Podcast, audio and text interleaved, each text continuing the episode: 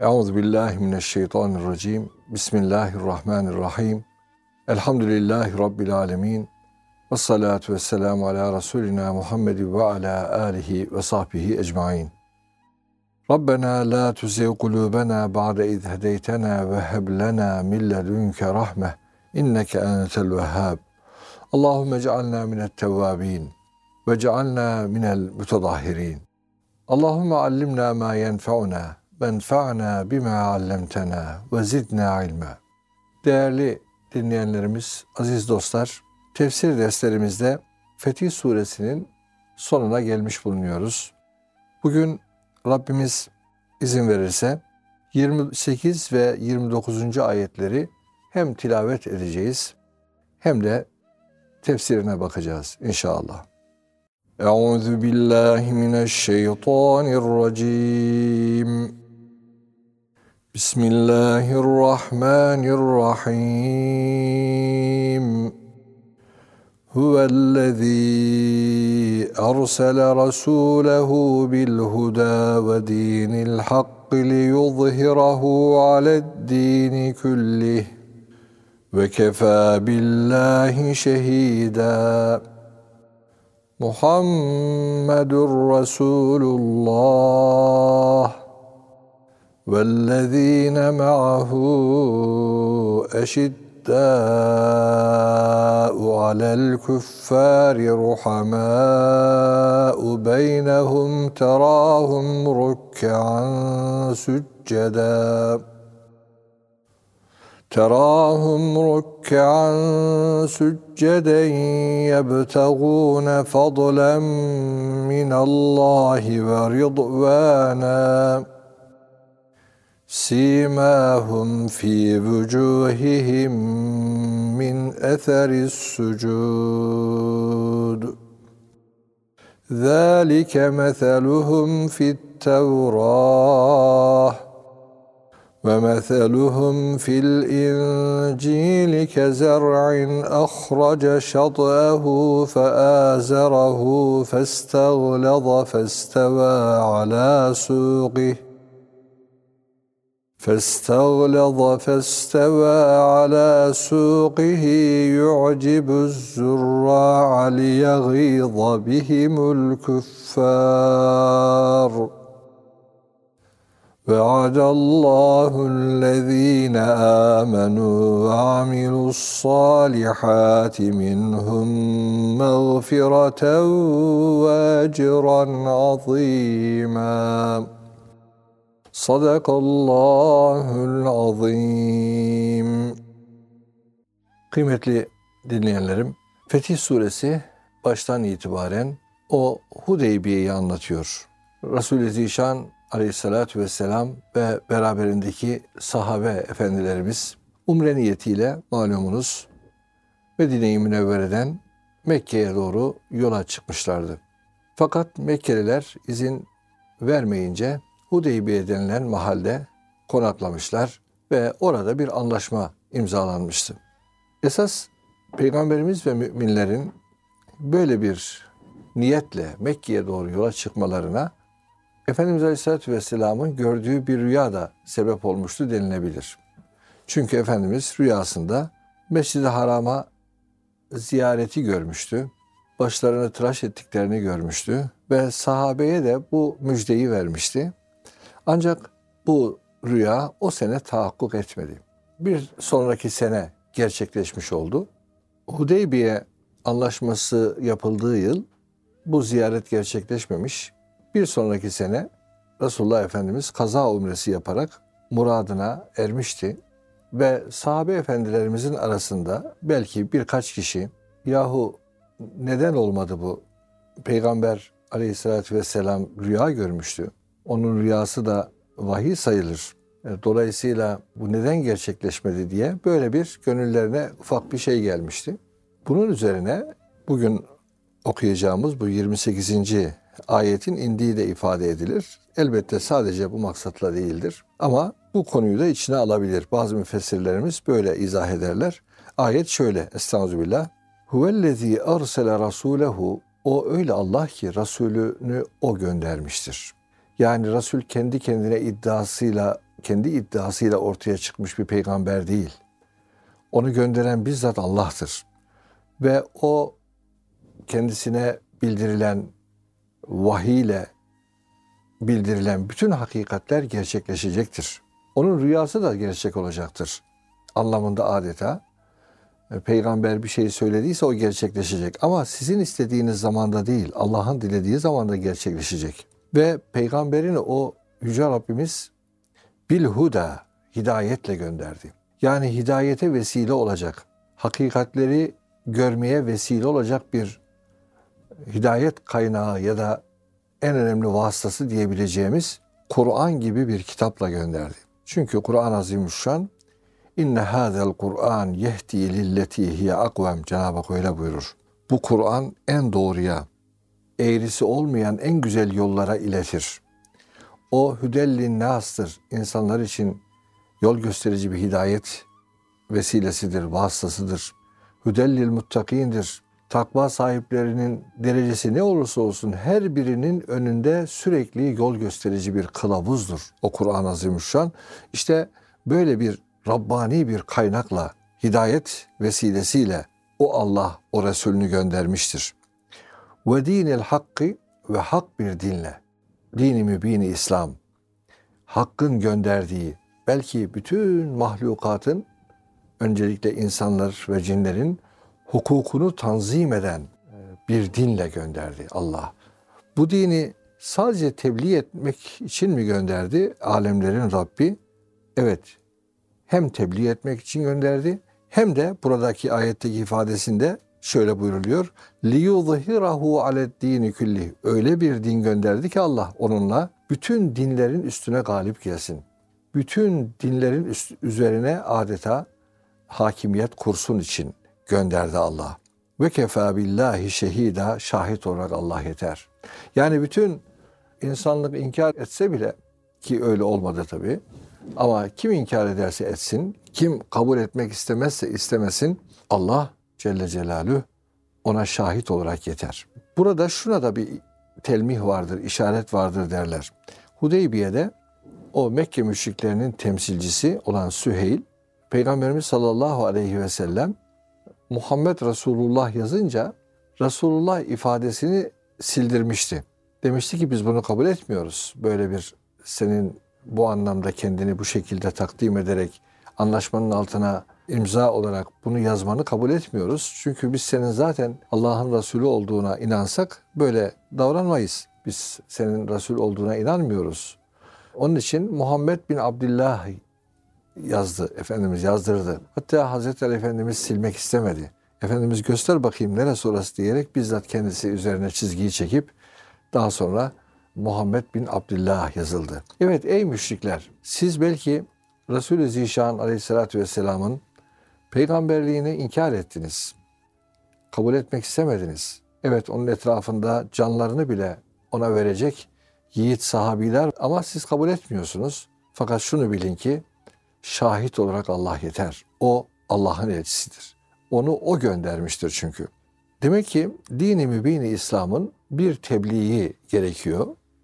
Allah Resulü sallallahu aleyhi ve sellem onu hakkıyla yerine getirdi. Bir de bütün dinlerin üzerine hakim kılınması gibi bir vazife var. İkinci bir vazife bu. Bu vazife diyor ki müfessirlerimiz mesela Elmalı Muhammed Hamdi Yazır bu galibiyet diyor iki yönlüdür. Birisi ilmi bakımdan hüccet ve bürhanda üstünlüktür ki ayetteki hidayetle buna işaret edilmiştir. Yani Cenab-ı Hak öyle bir hidayet kitabı gönderdi ki öyle sağlam delillere sahiptir ki bu hidayet kitabı onun karşısında hiçbir dinin kitabı ya da anlayışı duramaz. Nitekim elbette Tevrat da Allah'ın kitabı, İncil de Allah'ın kitabı. Kitapları birbiriyle yarıştıracak mıyız diye sorulabilir. Ama öyle değil.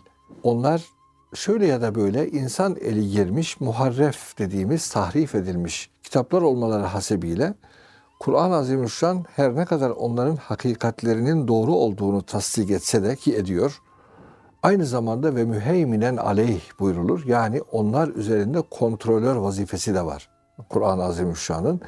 Onlar değiştirdikleri konulara Kur'an parmak basar ve o kitaplarda da hangi hakikatlerin olduğunu haber vererek yine değiştirilen kısımların neler olduğunu tüm insanlığa ilan eder adeta. Mesela tevhid inancı bunların başında gelir. Bu yönüyle Kur'an-ı Azimüşşan aynı zamanda diğer dinlere, Yahudilik olsun, Hristiyanlık olsun, onlara zaten böyle bir müheyminlik vasfıyla yani kontrol edici vasfıyla diyelim bir üstünlük Kur'an'da vardır. Zaten batıl dinlere karşı Kur'an'ın hakikati elbette onların bütün delillerini kendilerine göre alt üst eder. Adeta yerle yeksan eder. Zira kul el hakku ve zehakal batıl de ki hak geldi batıl kaybolup gitti silindi gitti. Hakikat ortaya çıkınca batıl ve yalan dayanamaz. İşte bu sebeple Cenab-ı Hak bu dini mübini İslam'ı son din olan İslam'ı kamil bir din olan İslam'ı bütün dinlere üstün kılınsın içinde göndermiştir. Ve gelen peygamber bu dini temsil ediyor. İşte elinde bir kitap var. Kur'an-ı Azimüşşan gibi bir hidayet kitabı var ve Cenab-ı Hakk'ın dinini bütün hakikatiyle temsil ediyor. İşte böylesi bir duruma, böylesi bir hakikate Allah şahittir. Dedi ki bu galibiyetin birisi ilmi bakımdandır. Diğeri ise ameli bakımdan fiiliyatta üstünlük ve hakimiyettir ki dini hak tabirinde de bunun gerçekleşmesine işaret vardır. Ve müfessirlerimiz diyorlar ki peki dini İslam bütün dinlere gerçekten böyle bir hakimiyet sağlayabildi mi? Cenab-ı Hakk'ın muradı bu. Evet, Efendimiz Aleyhisselatü Vesselam'ın döneminde, Hulefai Raşidin döneminde o bütün Arap Yarımadası'na hatta daha ötelere ta Orta Asya, Kafkasya'ya varana kadar işte İstanbul'a, Bizans o zaman buralar efendim varana kadar İran kisrasına onun saltanatının ulaştığı yerlere varana kadar dini İslam o hakimiyetini sağlamıştır. Ta Endülüs'e kadar efendim gelmiş. Osmanlı döneminde Avrupa'nın işlerine doğru İslam hakimiyetini sağlamış. Bu hakimiyet elbette gerçekleşecektir ama ne zaman gerçekleşir bunu elbette Allah'tan başka kimse bilemez. Fakat bazı alimler Hz. İsa Aleyhisselam'ın nüzulüyle böylesi bir halin gerçekleşebileceğini söylemişlerse de şunu ifade edebiliriz ki her dönemin müminlerine Cenab-ı Hak aynı zamanda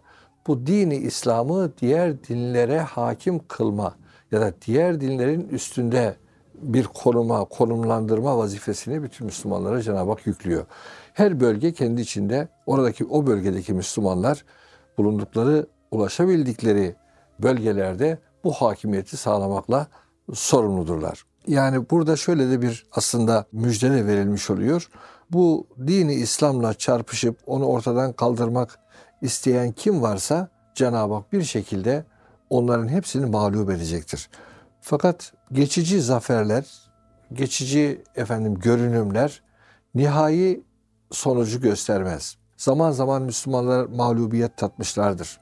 Zaafları sebebiyle vazifelerini gereği gibi ifa edemedikleri için, bir ittihat dediğimiz bir birlik sağlayamadıkları için, darmadağın oldukları için, dini İslam'ı temsilde çok zayıf kaldıkları için bu İslam bayrağını en yüksek göndere çekememiş olabilirler. Fakat bu çekilmeyeceği anlamına gelmez. Zira Yüce Rabbimizin birçok ayette buna müjdesi var. Dini İslam bir gün gelecek, yeryüzünün tamamındaki dinlerin üstünde bir hükümranlık sağlayacaktır. Bu hükümranlıktan herkes kazanacak. Hükümranlık sadece hakimiyet dediğimiz o beldeleri fethedecek, oradaki insanları köle gibi istihdam edecek anlamına bir değil. Belki bütün insanlık kurtulacak. Bütün insanlık bir rahmetle buluşacak. Yüce Rabbimiz İslam'ın o izzet devirlerinde her birimize izzet devirlerinin gelmesine her birerlerimize büyük inşallah nasipler verir de bizler de bu dini İslam'ın yücelişini e, görürüz inşallah efendim. Ve ayetin sonu ve kefa billahi şehida diye bitiyordu. Bu niye şahittir konusu da hani Cenab-ı Hak şahit olarak kafidir. Niye kafidir? İşte Muhammed Mustafa'nın sallallahu aleyhi ve sellem peygamber olarak gönderilişine, onun hidayet ve hak din ile bütün dinlere üstün gelebilecek bir kapasite ve istidada sahip olduğuna şahittir. Bunu böyle anlamak mümkün olduğu gibi o Peygamber-i Zişan'a gösterilen o rüyaya da şahittir Allah. Yani evet peygamber yalan söylemedi size ey müminler. Gerçekten o, o rüyayı görmüştü ve o rüyada sadık çıkacaktır.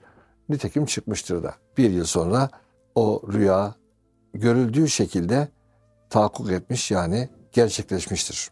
Ve yine burada biraz önce de ifade etmeye çalıştığımız gibi o Mekke müşriklerine peygamberimizi peygamber olarak görmeyenlere karşı siz görmeseniz de siz inkar da etsiniz, kulaklarınızı tıkasanız da efendim hakikati ifade etmekten aciz de kalsanız ya da inadına inkar da etseniz Allah onun peygamber olduğuna şahittir. Muhammedur Resulullah işte Muhammed Allah'ın elçisidir. Bazı alimlerimiz buradaki ifadeyi şöyle de anlarlar. Huve Muhammedun Resulullah. Çünkü birinci ayette Allah elçisini hidayet ve hak dinle gönderdi derken hangi elçi bu gibi bir soru, mukadder bir soru vardır derler. Bunun da cevabı Muhammedur Resulullah. İşte bahsettiğimiz o elçi Allah'ın elçisi Muhammed'dir demektir. Böyle anlaşılabilir elbette. Böyle meal verilebilir. Ya da doğrudan bu cümle öncekiyle e, evet biraz irtibatı var ama bu şekilde bir irtibat değil. Başka bir cümle başı olarak Muhammedur Resulullah. Muhammed Allah'ın elçisidir. Vellezine me'ahu ve onunla beraber olanlar. Bazı alimlerimiz yine burada şöyle bir manaya da dikkat çekerler. Muhammed Allah'ın elçisidir. Onunla beraber olanlar da öyle. Bu anlam mümkün olabilir mi? Evet, İrab bakımından yani cümle kuruluşu itibariyle Arapçadaki cümle kuruluşu itibariyle bu manada verilebilir. Ama birçok müfessirimiz bu manayı tercih etmemiş. Tercih edenler de bunu şöyle izah etmişler. Nasıl Muhammed elçidir, Allah'ın elçisidir. Onunla beraber olanlar da ondan o elçiden öğrendikleri o hakikatleri gerek tebliğ etmeleri, gerek temsil etmeleri yönüyle bütün insanlığa karşı aynı zamanda elçidirler. Hani Yüce Rabbimiz biz peygamber size şahit olsun, siz de bütün insanlığa şahit olasınız diye böyle ayette beyan buyuruyor Yüce Rabbimiz. Siz de bütün insanlığa şahit olasınız. Adeta elçinin tüm mesuliyet alanını, sorumluluklarını ve elçilik yaptığı konuları bir başkasına taşıyan, gerek sözlü gerek haliyle taşıyan kişi de o elçiliği devam ettirmiş olur. Bu yönüyle buradaki ayetin bu kısmına bu manada verilebilir derler. Muhammedur Resulullah vellezine ma'ahu. Muhammed Allah'ın elçisidir ve onunla beraber olanlar da burada o zaman bir nokta koyuyor. Fakat birçoğu şöyle yaklaşırlar meseleye. Muhammed Resulullah bir tam bir cümledir. Muhammed Allah'ın elçisidir. Buraya noktayı koyuyoruz. Sonra yeni bir cümle başlıyor. Vellezine ma'ahu bir de onunla beraber olanlar. O kim? Muhammed Mustafa sallallahu aleyhi ve sellem. Bu beraberlik hem cismani beraberlik hem fikri, itikadi, ameli beraberlik, fiiliyatta beraberlik ikisini de içine alır derler. Onunla bir şekilde beraberlik sağlamak demek. Bu beraberliği sağlayanlar şimdi bunların vasıflarını Cenab-ı Hak burada sayacak bu ayetin sonuna kadar. Onların birinci vasfı eşiddâ'u alel küffâr. Bunlar kafirlere karşı pek çetin ve şiddetlidirler. Yani tavizsiz, dik dururlar.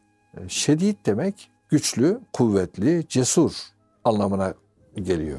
Eşiddâ'u alel küffâr ifadesi yani kafirlere karşı tavizsiz bir duruş, kendi değerleri merkezli, omurgalı duruşun adı. İlle onlarla bir savaş hali, düşmanlık ifade etmiyor bu. Ya şahsiyetli, vakur, e, son derece onurlu, e, özgüvenli, davasının hakikatine tam inanmış ve bu yönüyle de tavizkar bir duruş sergilemeyen, böyle granit bir taş gibi duran. Neden? Çünkü hak ve hakikati temsil ediyorsunuz. Haktan gelen bir dinin mümessilisiniz. Öyleyse şeytani düzenlerin, tağutların ve benzeri efendim İslam düşmanlarının, hak din düşmanlarının karşısında eğilemezsiniz, bükülemezsiniz. Orada hakka dayanarak hakikatin temsilini en güçlü bir şekilde yapmak durumundasınız. Burada taviz verme hakkına sahip değilsiniz. İşte Yüce Rabbimiz bu hususa dikkat çekiyor Onlar diyor kafirlere karşı, o inkarcılara karşı, hakikat körlerine karşı son derece dik dururlar. Onurlu dururlar. Çetin cevizdirler adeta. Çetin bir ceviz gibidirler. Ruhama ubeynehum ama zannetmeyin ki onlar hep böyle katı insanlardır. Değil. Kendi aralarında son derece birbirlerine karşı rahmet tevzi ederler. Yani birbirlerine karşı merhametlidirler. Birbirlerine karşı son derece sıcak kanlıdırlar. Mütevazidirler. Kanatlarını yere indirirler. İkisi ayrı bakınız. iki duruş. Çünkü kafir bir anlamda hakka ve hakikate karşı tavır almış kişi. Ona karşı boyun eğmek hakka zulümdür, hakikate zulümdür. Orada boyun eğmeyeceksiniz. Orada başınız dik olacak. Omurgalı duracaksınız. Ama diğer taraftan hak ve hakikati zaten kabul etmiş ve size ortak değerlerde kardeş olmuş. İmanda kardeş olmuş. İslam'ın diğer ahkamını, diğer ahlakını birlikte yaşamada size yoldaş olmuş kişilere karşı da son derece duyarlı, şefkatli, mütevazi bir konumda olacaksınız. Yüce Rabbimiz birkaç ayette müminlerin bu vasfına dikkat çeker. İşte eşittâhu alel küffâr ruhamâhu beynehum burada böyle buyurur. Bir başka ayette e'izzetin alel kafirin ezilletin alel müminin der. Yani kafirlere karşı izzetli ve onurlu vakarını korurlar. Müminlere karşı da kanatlarını yere indirirler. Son derece mütevazidirler. Terahum rukkan sücceda. Ey Habibim, ey peygamber sen onları hep rükû ve secde halinde görürsün adeta. Yani bu rükû ve secdeyi çokça yaptıklarına işarettir denir. Şöyle de bakarlar. Onlar hak karşısında boyunları büküktür. İtaatkardırlar. Başlarını yere korlar gerekiyorsa. Böyle de anlarlar. Çünkü rükû eğilmek demek, secde de başı yere koymak demek. Öyle olduğu için ama haktan gayrısine de eğilmezler. Lal şairimizin dediği gibi o rükû olmasa dünyada eğilmez başlar. Diyor ya evet. Biz ancak hakkın huzurunda eğiliriz müminler olarak. Terahum rukkan sücceda. Başımızı yere koruz. Hakkın huzurunda sadece kulluğumuzu ona ifade ederiz. Ve bunu da secde ve rükularla yaparız. Terahum rükkan sücceda. Farzları yaptıkları gibi nafilelerle de secdelerini, rükularını çoğaltırlar. Böyle de anlamak mümkün. Nitekim alimlerimiz bunu böyle de anlamışlar. Yebtegûne fadlen minallahi ve rıdvâne ve sürekli şöyle bir istek içindedirler. Allah'tan bir fazıl, ihsan, ikram, fazilet beklerler sürekli. Güzellikler beklerler. Bunu isterler hep. Bir de hakkın rızasını, hoşnutluğunu isterler de isterler. Yebtegune ifadesi geniş zaman kipinde bir defa isteyip bırakmazlar. Adeta onların ayrılmaz bir vasfı Allah'tan sürekli nice nice faziletler ve hoşnutluklar, rıza istemektir. Yani her işlerinde, her durumda gönüllerinde taşıdıkları ana niyetleri budur. Her şeyde hakkın rızasını ararlar.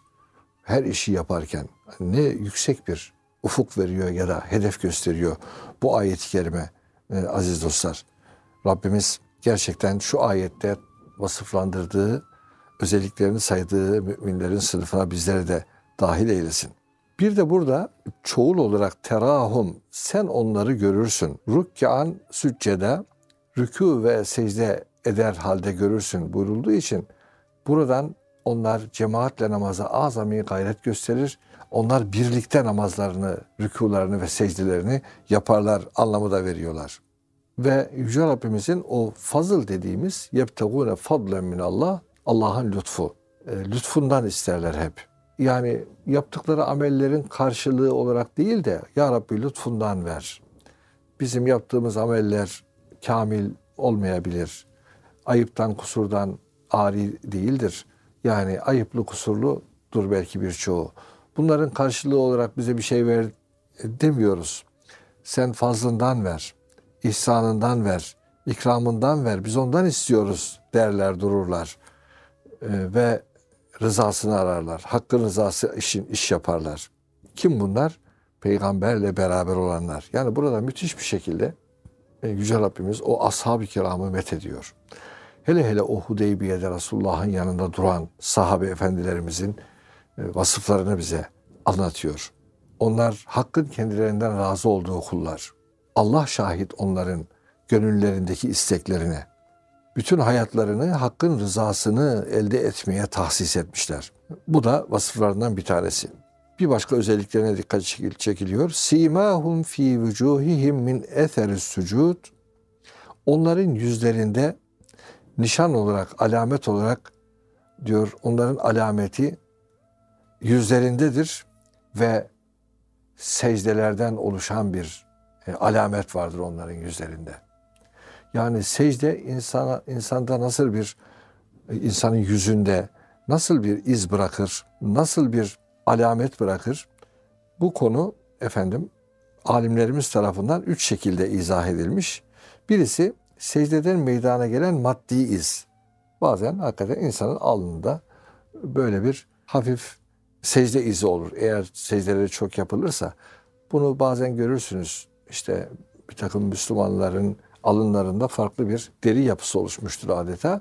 Fakat e, esas kastedilen bu değildir derler. Esas kastedilen e, bu maddi bir iz değil. Yine bu secdede oluşan bir manevi iz olur. Bir yüzdeki nur olur. Namaz kılan insanla kılmayan insanın yüzü gerçekten e, belli olur. Nasıl oluyor bilemiyoruz ama Cenab-ı Hakk'ın bir şekilde demek ki o namazın nuru insanın cildine de bir farklı bir hava veriyor. Farklı bir nuraniyet veriyor. Farklı bir parlaklık veriyor. Bunu mesela e, yaşı ilerlemiş ve namazlı niyazlı müminlerin yüzlerine bakın. Çok tatlı bir yüz ifadesi vardır. Hanımefendiler de öyledir. E, onların derileri falan böyle çok farklıdır. Namaz kılmayan bir hanımefendinin dış yüz görünümüyle namaz kılanın görünümü arasında çok fark var. Belki birisi pudralarla şunla bununla çok farklı göstermeye çalışır ama öbürünün tabii bir güzelliği vardır. Bazı alimler derler ki bir insan tabii yüzünden yüzüne bakınca anlaşılır. Tevazusu anlaşılır, güzelliği anlaşılır. Efendim farkı fark edilir yani.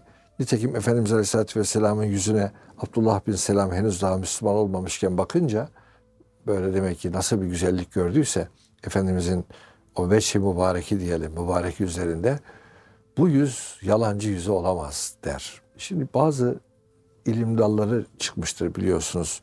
İlmi kıyafet derler eskileri. Eskiler buna. Yüz okuma derler. Buradan da anlaşılır insan bazen e, bu namazlı bir mümin mi, imanlı bir mümin mi, imansız biri mi belli olur. Birinin yüzünde nuraniyet ve huzur hali muhatabın gönlüne gelir. Öbüründe kasvet gelir. Yüzüne bakamazsınız. Bakınca içiniz kararır yani öyle söyleyeyim. İşte Yüce Rabbimiz o diyor peygamberle beraber olan müminlerin bir vasfı da simalarında o secdenin bir izi var diyor. Bir alamet, bir işaret olarak onu görürsünüz. ذَٰلِكَ مَثَلُهُمْ فِي التَّوْرَةِ İşte Tevrat'taki onların misali budur. Bu e, yüzdeki izi, izle alakalı bir görüş daha vardı. Onu da ifade edeyim. O da şu.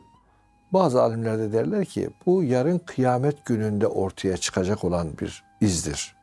E, Cenab-ı Hak evet bazı ayetlerde müminlerin önlerinden, sağlarından ve sollarından bir nur şelalesi adeta aktığını ve yürüdüğünü söyler Yüce Rabbimiz Kur'an-ı Azimüşşan'da.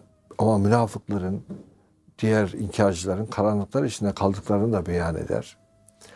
O gün bir takım yüzlerin parlayacağı, bir takım yüzlerin kararacağı da ifade edilir. Bu ayetlerden yola çıkan bazı alimler onların bu yüzlerindeki secde izi kıyamette ortaya çıkacak diye bunu böyle yorumlamak isterler. Fakat ayetin zahirinde terahum rükkan sücceden yebtegune fadlen minallahi ve rıdvana simahum fi vucuhihim min eseri sucud diye onları görürsün secde ve rükû hallerinde. Hep Allah'ın fazlını ve rızasını istiyorlar, hoşnutluğunu istiyorlar. Ve onların yüzünde secde izleri var. Cümleyi böyle yan yana okuduğunuz zaman bunun ahiretten önce dünyada iken o yüzdeki bir alamet, yüzdeki bir işaret olduğunu anlıyorsunuz. Tevrat'ta diyor onların misali böyledir. Şimdi bugünkü Tevrat'ta onların yani Peygamber sallallahu aleyhi ve sellemin etrafındaki müminlerin alametleri gerçekten böyle e, sayılıyor mu? E, bu konuyla ilgili Mevdudi şöyle bir bilgi veriyor. Galiba diyor bu Kitab-ı Mukaddes'in Tesniye 33. bölüm 2. ve 3. ayetlerine işaret etmektedir. Bu ayetlerde Peygamberin sallallahu aleyhi ve sellem geleceği anlatılarak sahabilere hakkında mübarek insanlar tabiri kullanılmaktadır. Böyle bir ifade geçiyor Tevrat'ta. Fakat birebir aynıyla geçiyor mu? Hayır. Birebir Kur'an'daki e, benzetilme tarzıyla ya da anlatılma tarzıyla birebir geçmiyor. Tabi Tevrat'ın hakikatinde o tahrif edilmemiş Tevrat'ta daha neler vardı biz bilmiyoruz. Belki de e, belki de değil mutlaka Yüce Rabbimiz onların Tevrat'taki misali budur buyurduğuna göre öyledir. Vardır ve fakat bugün göremiyoruz. Ve meteluhum fil İncil kezer'in ahraca şad'ahu feazerahu festaglaza festeva ala suqih yu'cibu zurra'a liyagîza bihimil küffâr. İncil'deki meseleleri ise şöyledir. Bir de İncil'de benzetmeleri var. Öyle bir ekin ki filizini çıkarmış, sonra da onu kuvvetlendirmiş, derken kalınlaşmış da artık gövdesi üzerinde doğrulmuş.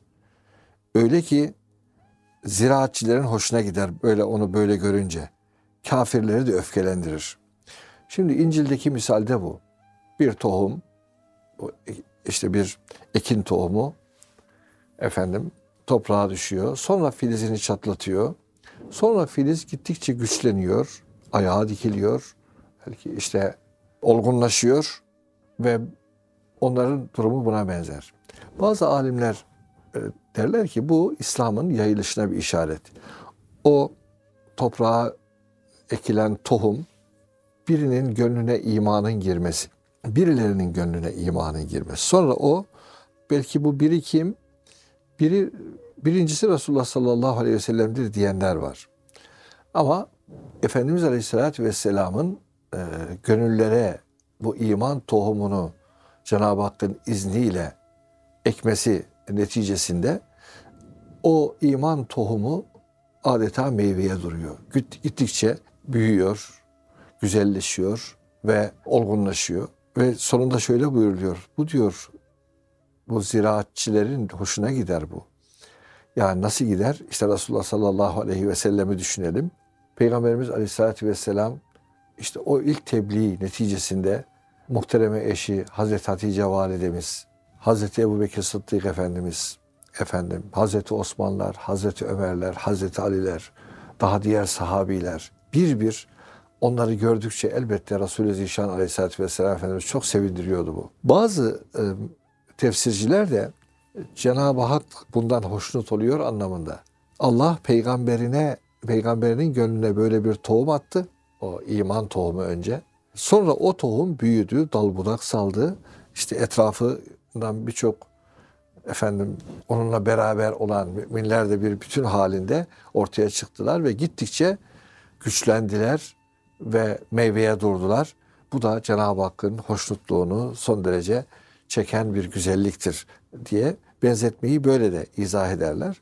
Ve buradan yola çıkan bazı alimler de derler ki burada başlangıç itibariyle küçük bir tohumken e, sonra büyüyen o İslam cemaatine işaret vardır burada. Ve bu İslam cemaati gün geçtikçe büyüyecek, güçlenecek, kuvvetlenecek ve netice itibariyle bu tohumu atanları son derece sevindirecek ama kafirlerin de kinini artıracak, öfkelerini artıracak, kan beyinlerine fırlayacak ve neticede bu sonucu doğuracak. Ve devamında ayetin Ve'adallahu allazine amenu ve amilus salihati minhum mağfireten ve ecran azima. İşte böylece Allah onlar gibi iman edip makbul ve güzel işler yapanlara mağfiret ve büyük bir mükafat hazırlamıştır. Evet, iman edip salih amel işleyenlere Cenab-ı Hak büyük bir mükafat hazırlamıştır. Bazı alimlerimiz, müfessirlerimiz burada geçen bir zamir var, minhum zamiri ve bununla ilgili derler ki Allah iki mana verirler. Daha fazla e, yorum yapan da var. Birincisi Allah iman edip salih amel işleyenlere mağfiret vaat etmiş. ve büyük bir ecir vermiştir. Buradaki minhum zamirindeki min e, beyaniye derler ki bu bir teknik tabirdir. Yani onların hepsi anlamına gelir. İman edip salih amel işleyen ne kadar varsa bunların hepsine Allah ki hepsi öyledir. İman edip salih amel işleyenlerdir. Resulullah'la beraber olanlar. Onlara mağfiret ve büyük bir e, ecir, büyük bir adeta karşılık, ücret, e, Cenab-ı Hak mükafat hazır, hazırlamıştır. Bazıları da buradaki minhum zamiri kafirlere gidebilir. O zaman mana şu, o kafirlerden iman edip salih amel işleyenlere de Allah bir bağışlanma vaat etmiş ve büyük bir mükafat da verecektir. Bunu da vaat ediyor Allah. Kafir de kafir olarak kalmasın diye adeta o kafirleri de bu müminler safına davet eden bir cümle olarak yorumlarlar. Bazı müfessirlerimiz bu yorumun daha isabetli de olabileceğine işaret ederler. Ancak çoğunluk birinci söylediğimiz görüş üzere bu ayeti izah etmişlerdir, açıklamaya çalışmışlardır. Efendim Yüce Rabbimiz zat-ı uluhiyetini razı edecek, Habibini sevindirecek e, mümin kullar olmayı hepimize nasip ve müyesser eylesin. Bu ayetle Fetih suresinin sonuna gelmiş olduk. İnşallah bundan sonraki başlayacağımız sure Hucurat suresi olacak. Yüce Rabbimiz Hucurat suresinde de bizlere çok yönlü hem ferdi hayatımızda hem toplumsal hayatımızda dikkat edeceğimiz edeplere, hudutlara işaret edecektir. Cenab-ı Hak o sureyi de en güzel şekilde okuyup anlamayı hepimize nasip ve müyesser eylesin efendim. Allah'a emanet olunuz.